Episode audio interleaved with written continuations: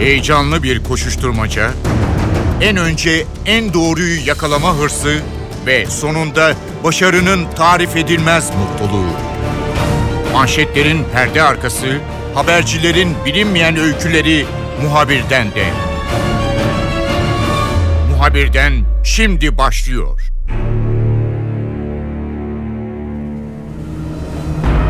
Türk Silahlı Kuvvetleri'nin harekat planlarında Suriye topraklarındaki Münbiç kalemle kırmızı daireye alınmış durumda. Türk Silahlı Kuvvetleri bölge operasyon konusunda kararlı ve askeri birliklerde bu amaçla sınıra kaydırıldı. Belki de Türk Silahlı Kuvvetleri çok daha yakın bir dönemde operasyonu gerçekleştirecekti ancak son anda Amerika Birleşik Devletleri oradaki askeri varlığını sona erdirme ve askerlerini tahliye etme kararı verdi. Dolayısıyla yeni dengeler ve bu tahliyenin de sonuçlanması bekleniyor. Ancak e, Türkiye hazırlıklarını da sürdürüyor. Gözlerin çevrildiği bu bölgeden NTV muhabiri Yağız Şenkal Münbiç yakınlarına kadar gitti ve yayın yaptı. Oradaki gelişmeleri, askeri hareketliliği ve bölge halkının görüşlerini, şu an neler yaptığını NTV ekranlarından Türkiye'ye duyurdu. Yağız Şenkal bizimle olacak, notlarını paylaşacak. Muhabirden başlıyor, ben Kemal Yurteli.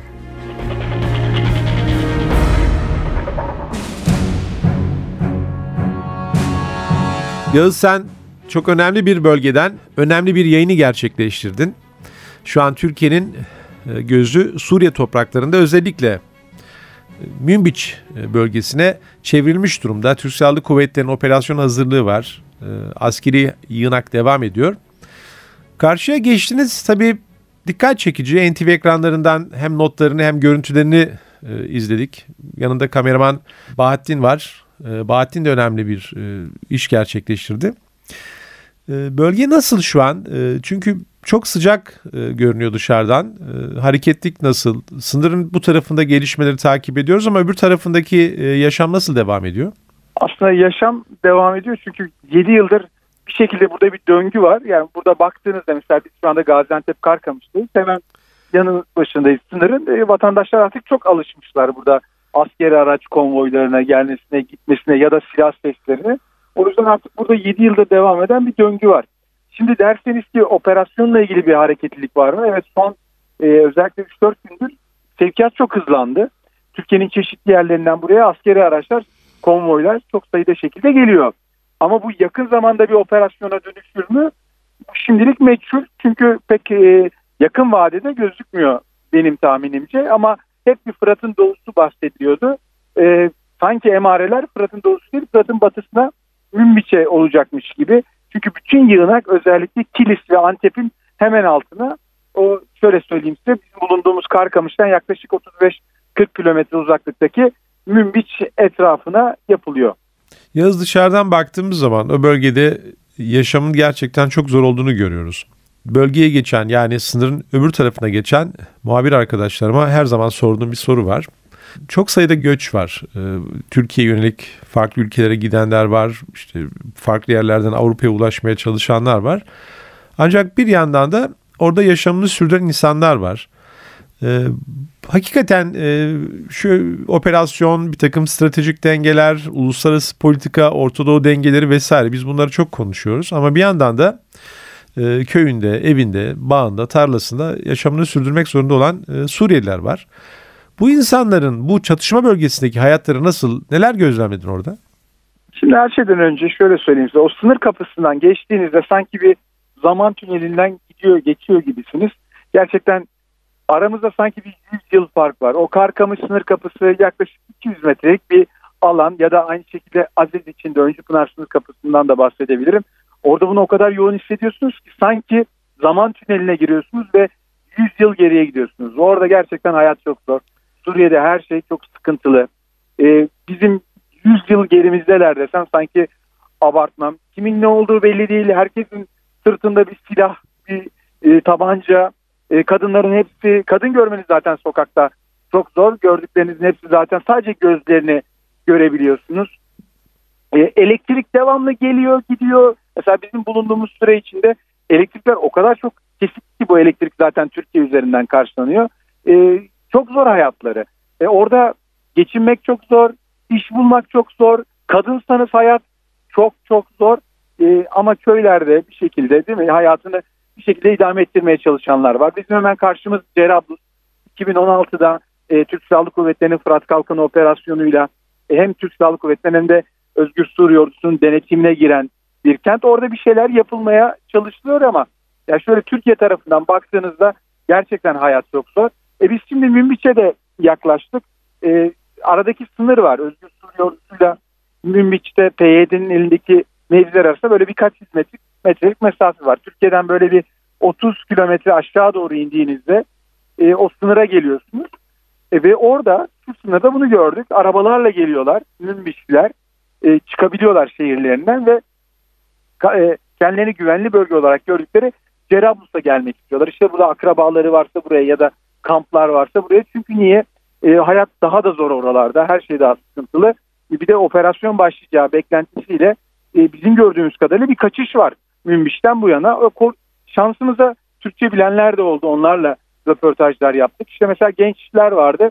E, zorla askere alınacaklarından bahsetmişlerdi. O yüzden e, kaçtıklarını belirttiler. Ya da bir aileyle denk geldik. İşte her şeyin daha da zorlaştığını, e, güvenliğin daha da sıkıntılı olduğunu, hayatı idame ettirmenin çok daha zor. İşte o nedenle Cerablus'a geldiklerini belirttiler. Zor, gerçekten Suriye'de hayat çok zor. Yardımları olmasa, Türkiye'nin ve uluslararası kuruluşların yardımları olmasa gerçekten hayatta kalmaları, hayata tutunmaları çok zor. Yağız, kaçan gençlerden söz ettin ve orada bir şey söyledin. Ee, Türkiye'de e, Suriyelilere yönelik e, bir eleştiri var. Tabii bu insanlar zor koşullarda e, Türkiye'de yaşamını sürdürmeye çalışıyor. E, kimse de keyfinden topraklarını terk edip kaçmaz. Ama bir eleştiriyi belki de biraz e, irdelemek bakımından söylüyorum. Mesela o genç beni silah altına alacaklar kaçtım diyor. Bu genç çocukların kendi topraklarını savunma konusunda yani mesela YPG'leri oradan uzaklaştırabilirler veya daha önce DH geldiği zaman onlara karşı mücadele edebilirlerdi. Eğer rejim kendilerine e, zulmediyorsa onlarla da e, savaşabilirlerdi. E, ülkelerinin böyle topraklarını savunma konusunda pek bir ısrarları yok. Veya hani dışarıdan bakan insanlar mı onları yanlış değerlendiriyor? Şimdi hem doğruluk payı var hem doğruluk payı yok. E çünkü biz burada tanıştığımız birçok e, Suriyeli de aslında Türkiye'ye gelmişler ve sonra bir organize bir direnişin olduğunu görünce tekrar dönmüşler. Mesela biz İsmail isimli bir gençle tanıştık burada. E, babası Suriyeli, annesi Türk. Yani aslında bir anlamda Türkiye vatandaşı. Türkiye Cumhuriyeti kimliği de var. E, ailesiyle beraber Cerabluslu bunlar. E, savaş başlayınca e, bombalardan kaçmak için Gaziantep'e yerleşmişler. Ama e, İsmail'in anlattığı ne zamanki 2016'da Cerablus e, ele geçiyor. Türkiye yani Özgür Suriye ve Türkiye tarafından tekrar geliyor Cerablus'a ve şimdi Özgür Suriye mensubu ve çatışmadan çatışmaya gidiyor. Bacağından da yaralanmıştı. Hatta bir bacağı diğer bacağına göre kısaydı kurşun mermisi yemiş e, neden geri döndün Türkiye'de kalmadın dediğimde e, Türk askerleri bizim için şehit olurken bu bana çok ağır geldi. O yüzden buraya geldim. Özgür Suriye katıldım dedi. Yani eleştirilerin haklılık payı olduğu gibi e, hak, bazı yerlerde de haksız oluyor. İşte mesela İsmail örneği. Organize bir yapı olmadığı için e, direniş yapmak, savaşmak belki de e, zor. Biz şimdi çok köklü bir devlet geleneği olan bir ülkeden geliyoruz. E, köklü ordusu olan bir devlet geleneğinden geliyoruz. Bizim açımızdan farklı ama Suriye gibi etnik kökenlerin çok farklı olduğu, anlayışların, yaşamların çok farklı olduğu bir ülkede e, gemisini kurtaran kaptan durumu da olabiliyor. Ama işte bir organize bir durum olduğunda, bir liderlik olduğunda e, benim gördüğüm kadarıyla işte İsmail gibi gençlerin çoğaldığını ve ülkelerinde daha yaşanabilir hale getirmek için bu organize direnişlere ya da e, birliklere katıldıklarını görüyoruz. Benim ama demin söylediğim e, askere alıyorlar e, konusu PYD zorla PYD'li yapmaya çalışıyordu. Bunu söyleyen e, genç de PYD'li olmak istemediği için e, PYD'li teröristlerden kaçtığını belirtiyordu. Peki yardım kuruluşlarını görebildiniz mi? E, Türkiye çok önemli yardımlar yaptı. Hem e, ev sahipliği yapıyoruz. Oldukça yüksek e, sayıda Suriyeliye çocuklar burada eğitimlerini sürdürüyor, sağlık hizmeti veriliyor. Kimisi ufak çapta e, ticaret kurmaya başladı. Ama sınır ötesinde de e, Türk yardım kuruluşlarının çok etkin olduğunu biliyoruz. Sizin olduğunuz bölgelerde e, kimler vardı? Bir de merak ediyorum bu tabii bir karşılaştırma veya değil.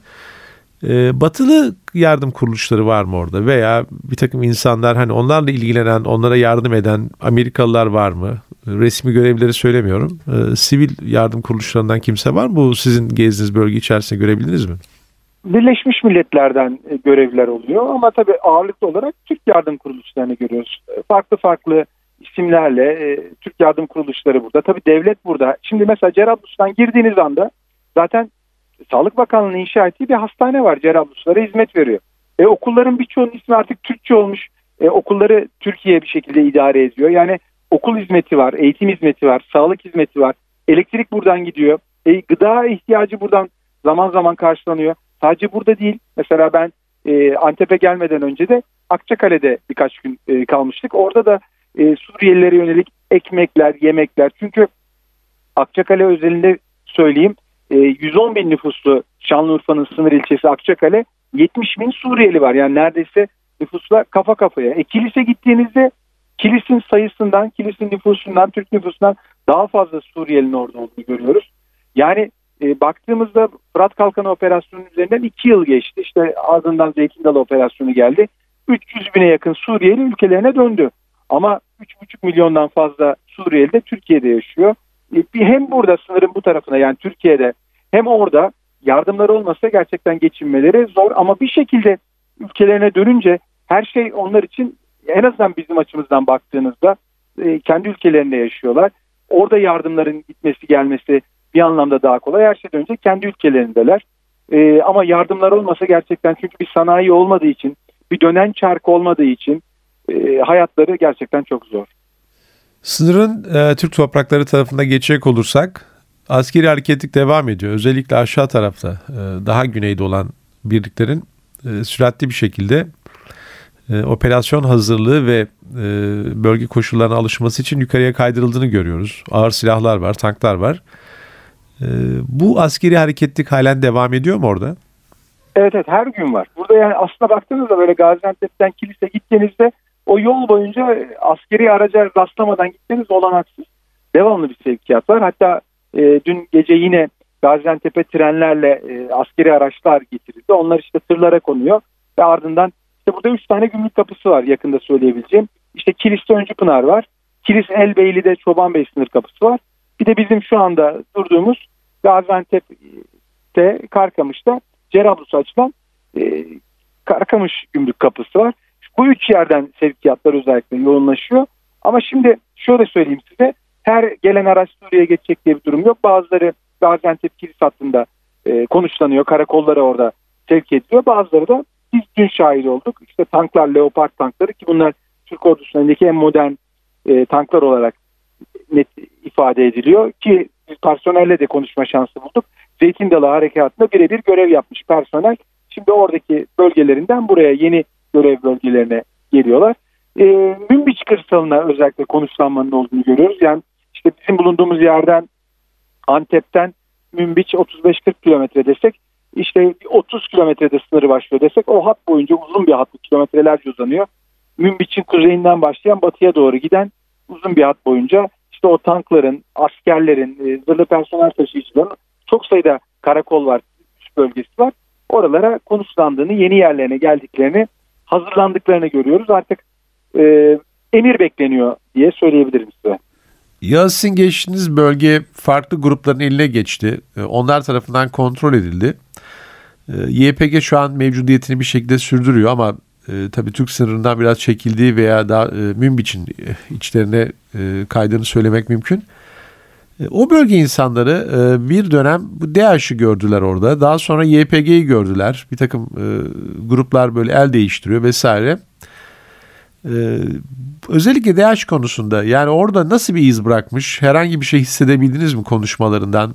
Çünkü insanları hakikaten çok zorlayan, kendine göre bir din anlayışı olan, kuralları yorumlayan değişik bir örgüt. İnsanlara çok farklı baskı yapıyor, kadınlara çok baskı yapıyor. E, insanlara kıyafetleri, eğitimleri vesaire çok değişik bir takım e, görüşü olan bir örgüt. İnsanlar bunun travmasını mı yaşıyorlar yoksa artık e, DH henüz or, e, orada şu an olmadığı için biraz 60 e, durumdalar mı? Veya YPG'nin onlar üzerindeki baskısı etkisi nedir? Neler gözlemlediniz bu konuda? Zaten muhafazakar bir yapı var. Yani DAEŞ'ten önce de zaten Suriye devletiyle arasında bir iç savaş çıkmadan önce de muhafazakar yerler buralar. Ama yani daha sonra savaş koşullarıyla beraber e, İslami ağırlığı daha yüksek olan grupların eline geçmesi ve en sonunda artık DAEŞ'in o bölgeye gelmesiyle artık sınırımızın dibinde bir Afganistan oluştu, bir Pakistan oluştu. E, baktığınızda bunu çok yoğun şekilde hissediyorsunuz. Öyle kolay kolay bu zaten ortadan kalkabilecek bir şey değil. Kadın yok sokakta. Yani yürüdüğünüzde hiç kadın görmüyorsunuz. Gördüğünüz bütün kadınların da simsiyah çarşaflar içinde sadece gözleri. Bazılarının gözleri bile gözükmüyor. Yüzü açık kadın görmeniz çok zor burada. Olanaksız demeyeyim ama gerçekten çok zor. E tabi her şeyi etkilemiş. Okullar kapanmış. E, çocukların eğitim hakkı, kız çocuklarının sorunları yani her şey büyük sıkıntı. Şöyle söyleyeyim biz bundan e, 6 ay önce yine Bahattin Demir'le beraber Aziz'e gitmiştik. E, orada şimdi Türkiye polis eğitiyor. Şurta ismi veriliyor. E, şimdi erkek polise ihtiyacınız olduğu gibi kadın polise de ihtiyacınız var. O kadar zor şartlarda o kadın polisleri bulmuşlar ki şimdi düşünün bir e, işsizlik korkunç boyutta paraya ihtiyacınız var ama kadınların çalışmasına o kadar kötü gözle bakılıyor ki e, çalışan poli, kadın polisten hiçbirinin biz yüzünü çekememiştik. Çünkü aman televizyona çıkarsak e, başımız belaya girer. Ailelerimiz tarafından çok sıkıntı yaşarız. Zaten güç bela e, bu işi kabul ettirdik diyorlardı. E, kadın polise ihtiyaç var çünkü kadın canlı bombalar var. Kim arayacak kadınları? Ama o kadar zor ki burada hayat. DAEŞ'in etkisi öyle kolay kolay silinecek gibi değil. E, YPG derseniz şimdi Tel Abyad örneğinden bahsedeyim. Şimdi Akçakale'nin hemen karşısı Tel Abyad. Aslında Tel Abyad Arap nüfusun ağırlıklı olduğu bir yer. E, PYD'nin eline, YPG'nin eline geçince oradan Arap nüfusu bir şekilde Türkiye'ye doğru sürmüşler. Zaten Akçakale'deki Suriyeli sığınmacıların büyük çoğunluğu Arap'tı. E, oradaki Suriyeli sığınmacılarla konuştuğumuzda işte geldiler evlerimize el koydular bizi oradan çıkardılar. İşte operasyona çok sıcak bakıyorlardı. Benim konuştuğum Suriyeli göçmenler Türkiye'nin olası operasyonu sonrası bir şekilde ülkelerine, evlerine dönebileceklerini düşünüyorlardı. O yüzden yani şimdi bu 7 yıllık savaştan bahsediyoruz ama bu savaş bitse bile bunun etkilerinin 10 yıllar boyunca süreceğini tahmin etmek e, çok zor olmasa gerek.